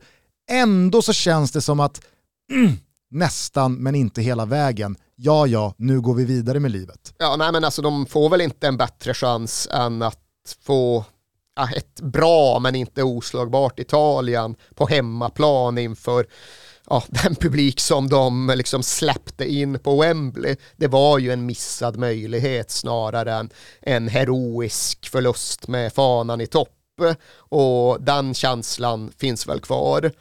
Men eh, sen var det ju visst, Bukayo Saka och Marcus Rashford, de fick ju en våg av sympati efter straffarna, men hela den grejen ebbade ändå ut ganska snabbt och idag är det ju inte många som vänder sig till det engelska EM-laget för att på något sätt ta temperaturen på tillståndet i nationen. Och sen kommer ju saker och ting behöva mogna över årtiondena, men just här och nu så uppfattar jag det fortfarande som att EM 96 på hemmaplan och den förlusten mot Tyskland uppfattas som en mycket större grej i England än det här EMet gjorde. Och fråga mig igen om 30 år så kanske historieskrivningen ser annorlunda ut. Men just nu är det lite det där att det fick inte fäste och den där idén om liksom laget som symboliserade nationell enighet fick ju istället övergå till ett stort självransakande kring ja, men allt som hände runt finalen. Liksom den totala hedonismen, den laglöshet som rådde runt Wembley. Och De för den Twitterfilmer som alltså, det var otroligt. cirkulerade. Alltså, jag var ju i London i samband med final, jag var ju på match och jag har aldrig upplevt något liknande när det kommer till laglöst land. Ja men alltså det var, ja, det var ju verkligen. Ja, men medeltida jävla gästabud med stråtrövare och skit. ja, men det var den jo, men alltså, han som stod står helt naken, upphöjd över folkmassorna och bara skakar kuken och sen sopar i sig liksom två gram ladd. Det är bara liksom så här, nu, nu, nu, nu, nu driver alla fritt här bara. Ja, och nu det är det råkade fastna på här. filmen, det var ju så multiplicerat med en halv miljon. Det fanns en halv miljon som honom på Londons gator den där dagen. Det var helt otroligt. Och liksom, ja, jag var så här, någon jävla match med Pauk i Thessaloniki, det hade liksom spårat ur och liksom blivit laglöst på ett annat sätt. Men just att det här var, jag vet inte, jag såg ju bara liksom... Det var liksom det, det här grunden av karnevalstämning trots allt som rådde fast... Fast på brittiska. Fast på brittiska, exakt. The perfect mix av en fotbollsframgång förenat med ett drygt års lockdown. Absolut. Nu jävlar ja. kör vi. Av med brallorna, fram med kuken, hacka upp snön. Ja, nej, nej, men exakt så var det. Och det är verkligen en sån där ja, fotbollsupplevelse som jag inte riktigt vet hur jag ska värdera. Men en stark fotbollsupplevelse för jag har aldrig varit med om något liknande. Och jag minns när jag vaknade den där jävla söndagen i London, men klockan är väl 8.37, jag går ut och ska ta en kaffe. Så jag har lång jävla kö runt hela kvarteret, bara fan är detta? Är det någon liksom PCR-tester? Är det någon ny grej som har införts att man måste ha papper och grejer? Nej, de köar ju till puben som öppnar klockan 11. De ska stå där i två och en halv timme för att säkra upp fri tillgång till kranarna fram till matchen som då börjar 11 timmar senare eller något i den stilen. Och så tar du det och så låter du det spridas över en hel stad, ett helt land. Där det, var, det var otroligt, på gott och ont så var det otroligt. Toto Balotto är som alltid sponsrade av Simor och vi hoppas givetvis att ingen missat den nya Beck-filmen Ett nytt liv som hade premiär på juldagen. Har ni inte sett den så gör det. Det är den första av fyra nya Beck-filmer som kommer skickas ut här kommande månader. Men hörni, ingen rast, ingen ro. Idag är ju faktiskt fotbollen igång igen från eh, Spanien. Där har vi eh, Valencia Espanyol som smygstartar den 19 omgången. Vi tar lite break imorgon på nyårsdagen, så är det full patte på söndag 2 januari. Då börjar det redan 14.00 med Madrid-derby, Getafe mot Real. Det rullar på med Atletico Madrid mot succélaget Rayo Vallecano. Alexander Isak spelar mot Alaves, eventuellt John Guidetti.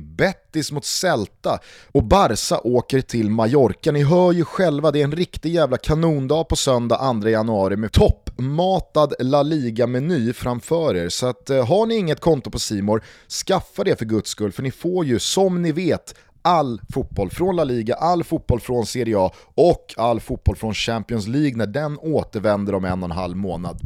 Det var allt för nu. Vi säger stort tack till Simor för att ni är med och möjliggör Toto Balotto. Nu går vi tillbaka till vår gode vän Erik och vår årssummering. Om vi ska sätta på oss de eh, blågula glasögonen så tänker jag att vi förenar Europamästerskapet med landslagsåret 2021 i stort. Och då pratar vi alltså VM-kvalet som slutade med en andra plats bakom Spanien. Eh, och det var ju ett eh, märkligt mästerskap för svensk del så tillvida att eh, Zlatan Ibrahimovic fick kasta in handduken några veckor innan det drog igång efter att han hade gjort en uppmärksammad comeback fem år efter han tackat för sig. Dejan Kulusevski testades positivt för corona och missade inledningen av mästerskapet. Och det var en känsla i uttåget mot Ukraina att hade vi bara haft marginalerna med oss så hade det här kunnat sluta annorlunda. Eh, Emil Forsberg gjorde ett fantastiskt mästerskap på individuell nivå. Alexander Isak, han hittade tyvärr inte rätt med bollen i nätet men fick någonstans ändå ja, men, nästa steg i sitt erkännande på en internationell nivå. Men när man summerade allting så var det ju ändå en besvikelse sett till mästerskapet som var tre år tidigare, som hade slutat med en kvartsfinal i eh, VM 2018. Det var VM. Så att... Exakt. Eh, men eh, om vi då väger in VM-kvalet som inleddes väldigt positivt och kanske kulminerade på Friends när vi slog Spanien på ett väldigt imponerande sätt, som sen avslutades med dubbla förluster mot Georgien och Spanien och missad gruppseger, så skulle jag vilja påstå att 2021 var första gången på över fem år som förbundskapten Jan Andersson fick uppleva en spricka i förtroendet från eh, folket. Inte alla, men hos några. Och att eh, han nu går in i ett landslagsår med en ganska högljudd opinion. Ja, nej, men det är väl en helt giltig summering på alla plan. Och jag tycker väl att alltså dels finns det någonting i bara det här att folk blir trötta titta på det som de har vant sig vid ett tag och det gör det oundvikligt att efter 5-6 år så kommer en förbundskapten börja få skit på ett sätt som hen inte fick i början av sin tid vid rodret. Och där är ju Anne Andersson nu, folk börjar vara lite trötta på honom och fotbollen hans lag spelar och sättet han pratar på, det liksom går inte att göra någonting åt. Men sen finns det ju också fog nu som det inte fanns tidigare för att känna att det har inte varit maxutfall från landslaget. För det tyckte jag ju det var fram till och med VM 2018, egentligen fram till och med EM-kvalifikationen där hösten 2019 blir ju det. Att så långt så tyckte jag ju att Janne Anderssons tid som förbundskapten var 5 plus utifrån förutsättningarna, utifrån vad vi hade stått emot och hur långt vi hade kommit. Det går liksom inte att kräva mer än en VM-kvart och ett utslaget Italien med Marcus Berg och Ola Toivonen på topp och liksom hela den besättningen. Det är omöjligt. Och var, dubbla mästerskap. Ja, det var 5 plus. Men ser vi på 2021 och de möjligheter vi haft och de spelare som numera finns med i ekvationen och det mästerskap som spelades och det kval som inte är avslutat men då är det väl 3 plus. Det är väl ganska starkt, alltså det går inte att gnälla, det går inte att säga att det är dåligt att gå till en VM-åttondel, det går inte att säga att det är dåligt att med fem minuter kvar av kvalet fortfarande vara en enda studs ifrån att slå ut Spanien och gå rakt till VM. Det är klart att det är mer än godkänt. Jag tycker det är starka 3 plus, men det är inte 5 plus. Och fram till och med nu har ju min uppfattning varit att Jan Andersson har fått ut absolut max av det han haft till sitt förfogande. Nu finns det ju så många alternativ och så spännande spelare på väg framåt och känslan är ju alltjämt att här har han inte riktigt hunnit hitta rätt det är svajigt ibland och när någon spelare saknas så blir det väldigt stora konsekvenser. De där ramarna och de där grunderna som var så självklara med Sebastian Larsson och hans generation, de är inte lika tydliga längre. Och där står vi väl nu. Och sen är det ett playoff och förhoppningsvis ett mästerskap som avgör vart vi tar vägen med den utgångspunkten. Några invändningar på Eriks summering? Nej, eh, det enda, det enda var att jag tänkte när han sa eh, Sebastian Larsson, den generationen och de spelarna var att, eh, ja men om man nu ska summera landslagsåret 2021, är att det var väldigt många, väldigt många landskamper som försvann och mycket erfarenhet som försvann som jag tror hade varit väldigt nyttigt i just ett kval. Hade de eh, fullföljt året så att säga så är jag den generationen... om att det kanske hade gått lite, lite, lite, lite bättre. Vi hade vunnit mot Grekland, vi kanske hade slagit Georgien, just för att det finns erfarenhet. Men jag tänker också för att utveckla ett landslag med många unga spelare, för att de ska få erfarenhet och bli som Sebastian Larsson och, och Micke Lustig och gänget, så måste man ju också göra fel. Eh, så är det väl med all utveckling. Och eh, det, det, är väl det, att de har förhoppningsvis lärt sig någonting av eh, den här kvalhösten som var svag. Ja, det går ju inte att begära 5 plus utfall vartenda år. Det går inte att tro att en generationsväxling går helt utan skakningar. Så liksom 5 plus, 5 plus, 5 plus, 3 plus, går vi därifrån uppåt igen, 4 plus, 4 plus, 5 plus, alltså, då är det ju en av de då har det, har det möjlighet att bli den största förbundskaptens tid vi någonsin haft. Men just nu står vi vid liksom ett läge av osäkerhet och ja, det ska bli både spännande och lite skräckenjagande att följa playoffet. Och jag tror också att hade vi haft Sebastian Larsson, Micke Lustig, Marcus Berg i 2018-form så hade vi mått väldigt bra av dem i ett kval också. Mm. Men det hör ju till saken att de sjönk ju i prestation Sant. under ja, men den gångna 18 månaders mm. eller någonting. Mm. Och liksom Micke Lustig höll jag länge som den bäst presterande landslagsspelare vi hade över tid. Men de här sista åren så var han ju inte längre där. Och ja, generationsväxlingen var ju oundviklig, den behövde ju göras. Det går väl dessutom att argumentera för att Spanien-segern på Friends togs av den nya generationen och en fotboll som Marcus Berg, Sebastian Larsson och några till faktiskt inte behärskar och 100%. kan spela. Och det är väl där vi är nu, att vi har väl alla en tro på att vår högsta nivå är högre än den någonsin har varit under Janne Andersson. men vår lägsta nivå är lägre än tidigare för vi har inga garantispelare. Och det är väl där vi är helt enkelt. Eh, jag fortsätter med lite korta, rappa summeringar av finns 2020. Det finns en konstig förbannelse liksom över att vara glad Fan, jag kring älskar landslaget. om du nu går tillbaka till politiska hemvisten i Atalantas kurva. ja, jag vill dit. Jag vill jag dit. skulle, jag skulle lätt kunna gå dit. Vi ska inte tillbaka till Spanien-matchen i Sevilla i EM, för det var ju lustigt att just när jag sitter här, det var liksom första gången min 12-åring hade någon synpunkt på min position i det mediala när han hörde av sig typ dagen efter. Det är någon som heter Gusten som snackar skit om dig på tv. Jaha, den där jäveln, jag vet vart han kommer ifrån. Olika syn på prestationen Vä i Vänta här nu, vad var nu detta? äh, men jag tror nog att Niva tillhörde falangen som kritiserade matchplan insats. Nej, in, ja, insats, inte matchplan, insats. Ja, insats. Ja. Och jag stod väl ganska... Men du är ju programledare, du ska ju inte tycka om sånt. Han hade varit i någon Ja, men det var- det- nyhetsmorgon alltså- eller någonting. Jag. Ah, jag, jag tror att jag var i en, eh, jag, jag tror att jag bakade in, Pileby efter fem.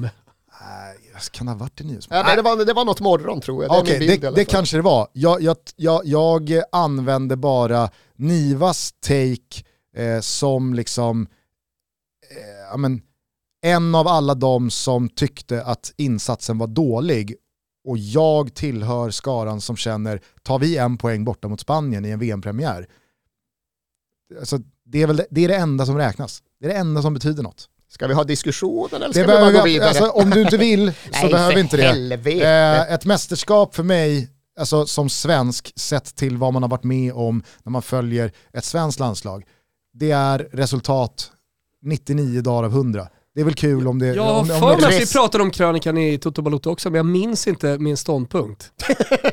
Som sagt, gillar du inte min första åsikt jag en annan. Ja. Nej men vad fan, det är klart att man måste kunna tycka att det var en prestation föder ju resultat längre fram längs vägen. Och jag står verkligen fast vid att jag tyckte att Sveriges insats, framförallt med bollen, var direkt undermålig. Det var en dålig svensk prestation.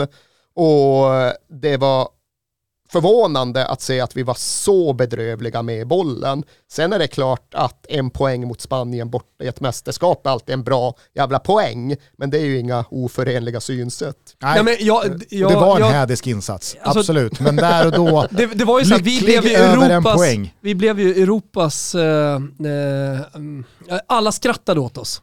Det var väl just det där Statistik kom och aldrig någonsin har ett landslag varit så här utspelade om vi bara tittar på ren statistik, bollinnehav, eh, skott och så vidare. Men det, tänk, tänk er vad fint det hade varit om Alexander Isak hade gjort mål. Det hade ju varit alltså, århundradets smash and ja, det var det grab-seger. Blåvitt mot Galatasaray 93 när Magnus Erlingmark nickade in den i 86. Ja. 22 Fast i. Sevilla, borta mot Spanien i en EM-premiär.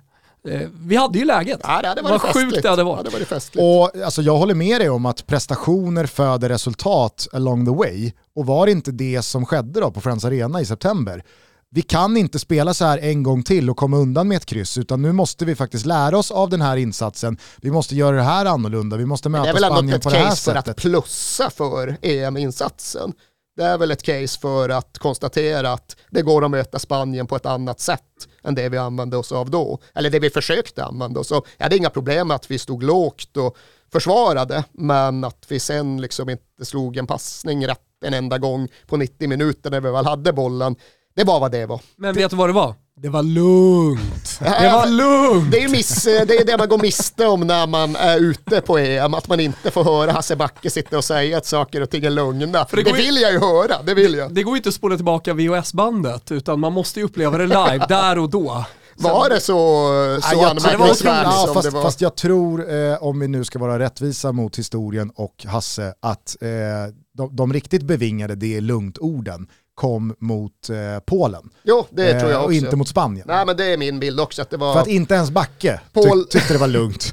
Polen vid mot Spanien. 2-0 upp så ska han tyckte det var jävligt lugnt om jag förstår saken rätt. Det var väl dessutom SVT va, som eh, hade Sverige-Spanien-matchen. Eh, vill jag minnas. Eh, hur som helst, eh, om, om Thomas, ja, det kändes som att eh, vi avbröt det där när du skulle säga någonting eh, Om Atalantas kurva. landslaget där. Om Atalanta? Ja, jag sa, gud Om vad jag älskar dig om du säger, eh, om du vill tillbaka nu till Atalantas politiska... nej, nej, jag tror inte vi avbröt, utan jag, jag bara bara så här, summerar vi landslagsåret så var det en stor händelse och vi gick in i en höst med eh, amen, i mångt och mycket ett nytt landslag. Eh, så tar du bort så fundamentalt eh, viktiga spelare och, som har varit under så lång tid och med så mycket erfarenhet så, så, så kanske eh, man ska ha lite tålamod eh, ja. till saker och ting funkar. Men det blir ju någonting att följa, som Erik är inne på också, under 2022. Ska vi spela på det här sättet som vi spelar? Nu när vi har andra typer av spelare kanske det är bättre att ändra om lite i, i taktiken, hur vi anfaller, hur vi försvarar och sådär. Det, det tycker jag blir det mest intressanta inför playoffet eh, och inför, ja, eh, ska vi spela om kval eller? Ja, det, vi ska spela en jävla massa Nej, Nations, Nations League. League.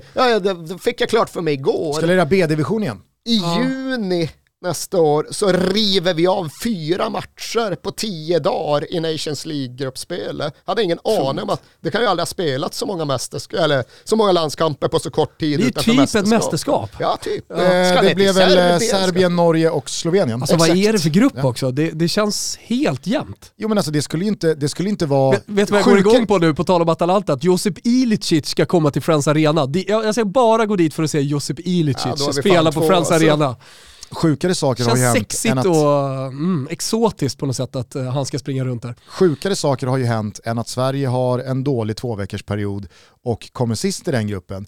Då är vi helt plötsligt i C-divisionen. Då är vi nere mot ett par riktiga blåbär nästa Nations League-vända. Alltså Nordirland och Litauen. Fan vad fint det Hör, Hörde du det här för en månad sedan? Eh, då gick ju Gusten ut eh, och, och, ställde sig väldigt tydligt på serbsidan eh, i, i, på Balkan. Otroligt stark stund. Alltså. Nej, det var en otroligt stark stund. De, på, fick... de vill ju ha självstyre i Bosnien-Hercegovina. Republika Serbska ska dra sig ur federationen. Hur känner du kring det? Ajde, känner jag. Nej, men, eh, på tal om Serbien eh, så kan vi fortsätta vårt eh, 2021-summerande eh, lilla liksom, eh, väggspel här. Eh, Zada Jete Dusan är serbiska och betyder Dusan är här nu. Vlahovic pratar vi alltså om. The next big big thing. Ja, ifall vi tycker att Håland och de redan har varit the big thing ett tag så verkar onekligen Vlaovic vara på väg ditåt. Men ja, vad händer med honom? Hans kontrakt kommer inte förlängas, men han vill vara kvar säsongen ut och se hur landet ligger till sommaren. Exakt så. Nej, han kommer inte förlänga, det har han eh, varit väldigt tydlig med, eller hans agent. Eller om det är presidentens son som sköter hans business, det har gjorts någon dokumentär på RAI om det där. Eh, det, det, är tydligen, Vlaovics framtid eh, vilar på något sätt i, i på högsta politiska ort i Serbien. Jätte... Som saker ska göra. Som saker ska göra. Nu har man liksom the golden boy. Och, och man vill på då... något sätt tro att det finthis ett samband med vad som hände med Republika Serbska kring Vlaovics karriär. Inte De sakerna är sammantvinnade. Säkerligen. Nej men eh, det, det, som har hänt dock som sällan sker, det är att en spelare eh, som man vet är på väg bort, som supporterna tycker så väldigt mycket om, ofta så vill man ju inte att den spelaren spelar överhuvudtaget. Jag kommer ihåg bara Fiorentina, alla klubbar har väl haft den typen av situationer i den moderna fotbollshistorien. Eh, men med Montolivo var det i Fiorentina, han skulle inte förlänga, han skulle gå till Milan, alla visste om det. Ja, men då var ju, hela supporteropinionen var ju emot Montolivo. Men i Vlaovics fall eh, så är det tvärtom. Där är, där, där har, eller så här, det har vänt under hösten. Kurvan var väl förbannad under rätt många månader. De, de, Jublade knappt när han gjorde mål. Ja, exakt, jag var där mot Spezia och då var var det 50-50 och sen så har jag sett matcherna nu här på slutet och då har han omfamnats igen. Eh, och, eh, och fort det, fotboll. Exakt, det är de där fem matcherna och Saddam Hussein och, och alltihopa. alltså, han fortsätter att göra mål men så har Italiano också gått ut och sagt han, eh, han är helt exemplarisk vad det gäller professionalitet. Och då har ju folk liksom folk älskar ju Vincenzo Italiano mm. i, i Florens. Eh, och då, då har väl han hjälpt eh, Vlahovic att styra opinionen liksom, så att man ska tycka om honom. Och nu gör han ju så mycket mål och han är fantastisk i varje match. Och det man tänker i Florens nu det är ju för varje mål så blir han lite dyrare. Och ni och, tar det mesta så länge han inte går till Juventus? Eller? Exakt. Ja. Han, ingen annan klubb i Italien har möjlighet att ta honom, men så som det ser ut nu så har, verkar det som att till och med Juventus har mer eller mindre gett upp med tanke på den konkurrensen som nu finns. Och hur bra blir han då? Ja, det, alltså, så som jag ser honom nu eh, det är ju att trots att han är så ung så har han ju en pondus på plan som han inte hade. Jag tror att det var ett, ett och ett halvt år sedan man skrev när ska Fiorentina köpa en riktig bomber?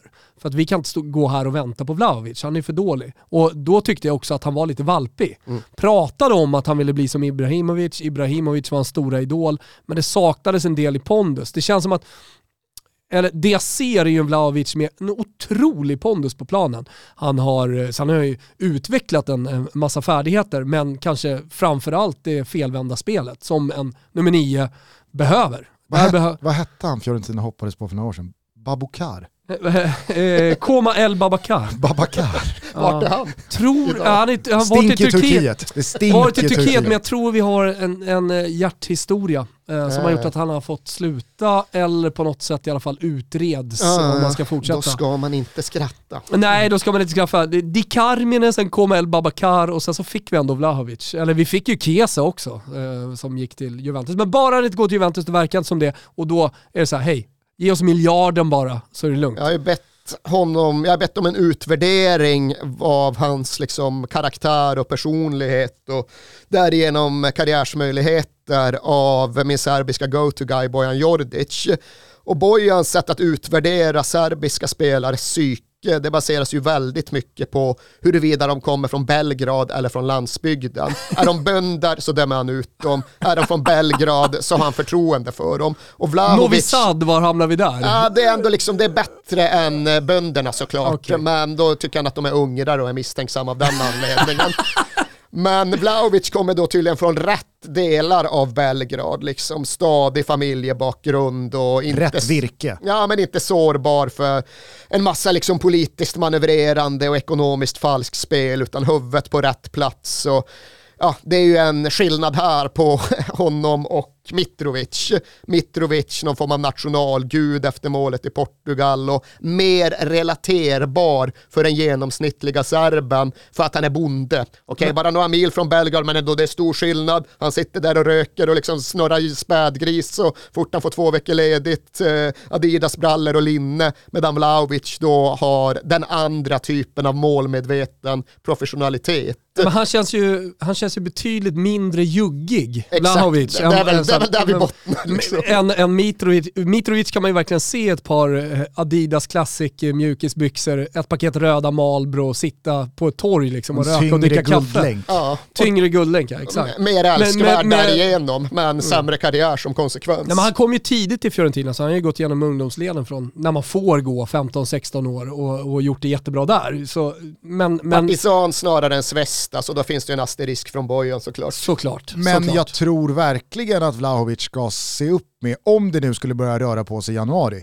med att överväga Newcastle, som ändå är det mest konkreta budet som har rapporterats. Ja, per idag, det, det tror jag inte heller. Jag tänker mest bara på Mitrovic-kopplingen, att det hade varit ironiskt om även Vlahovic går under i eh, Newcastle. Fan vad det är, alltså spännande blir fel ord för det blir så jävla entusiasmerande. Jag tycker ju det är sorgligt hur det har blivit med Newcastle, men det är klart att dimensionen återstår ändå, att hur fan blir det i januari?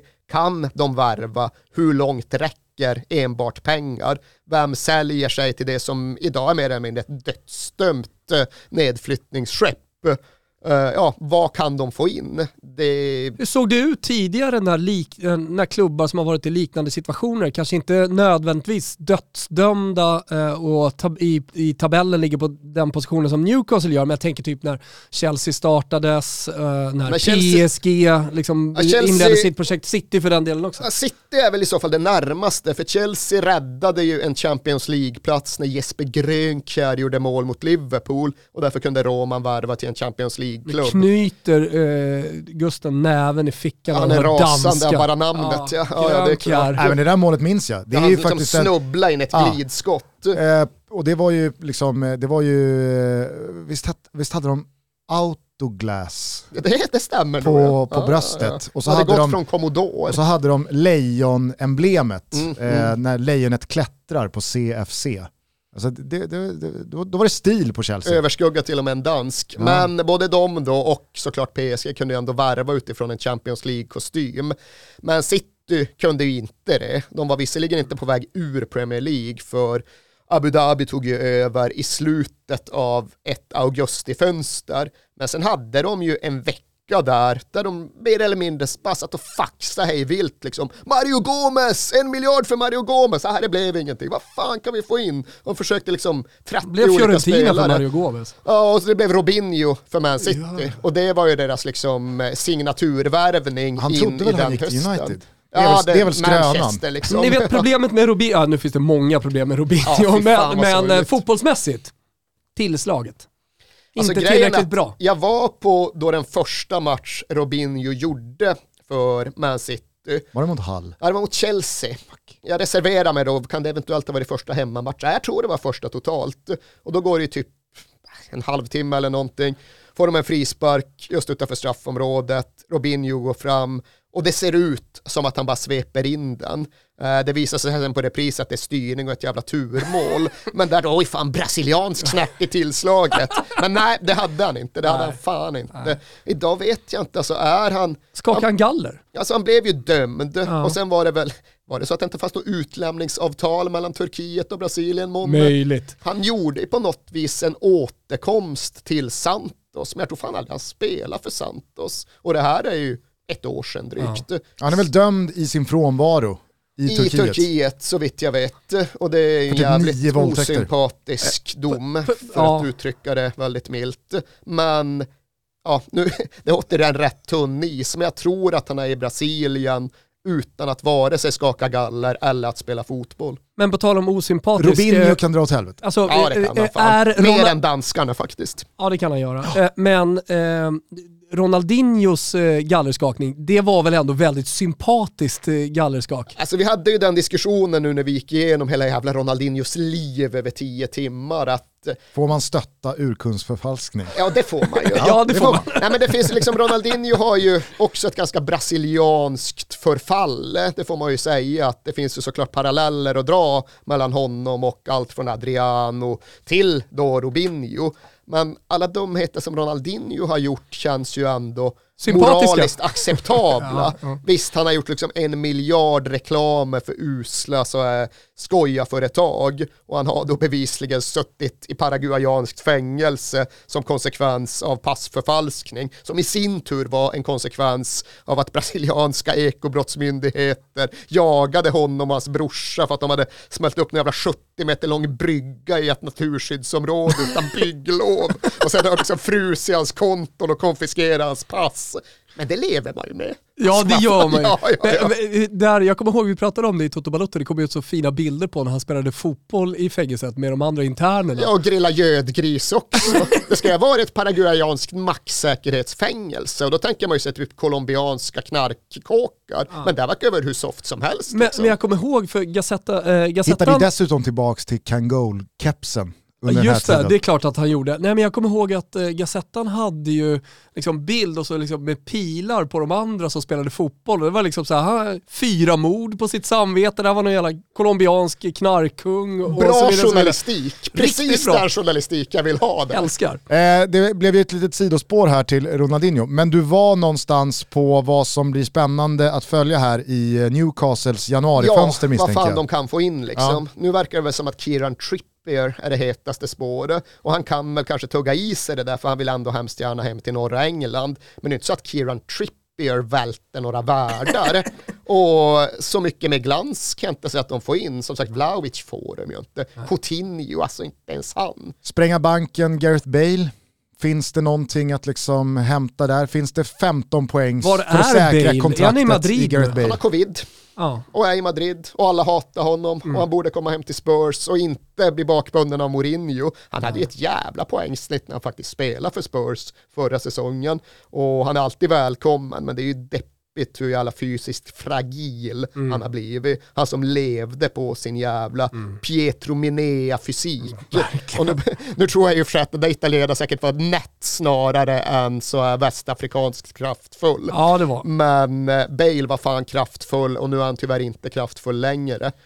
Vi slår i alla fall fast att Dusan Vlahovic är the next big big thing, men att han inte ska göra som sin landsman Alexander Mitrovic och gå till Newcastle. Ja, men jag, jag, jag lämnar klart på eh, Dusan Vlahovic. Han är så bra som han är just nu i Fiorentina och han är så pass stabil vad det verkar att han kommer att bli eh, liksom en, en av de bästa fotbollsspelarna de kommande tio åren. Topp 10 Ballon d'Or inom två år, topp 5? Ja, topp 10 skulle jag säga. Beroende på var han går såklart också. Ja. Men, men vad det verkar så går han ju till City eller PSG eller alltså den typen av klubbar. Ja, Kanske Real Madrid. Eh. Mbappé går väl till Real Madrid, Haaland får vi se vart Mino ja. placerar och sen är det Vlahovic som är nästa liksom, mm. dominobricka i det spelet. Så är det.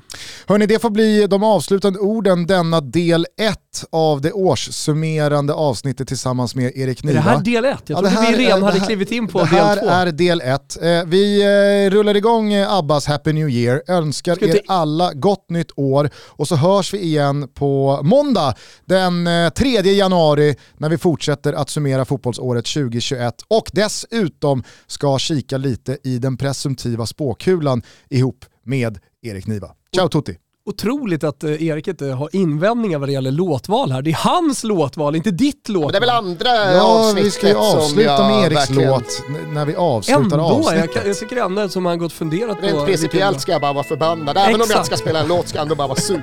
Ja. Verkligen, jag tycker det. Eh, gott nytt år hörni, ha en trevlig nyårsafton så hörs vi snart igen. Ciao tutti.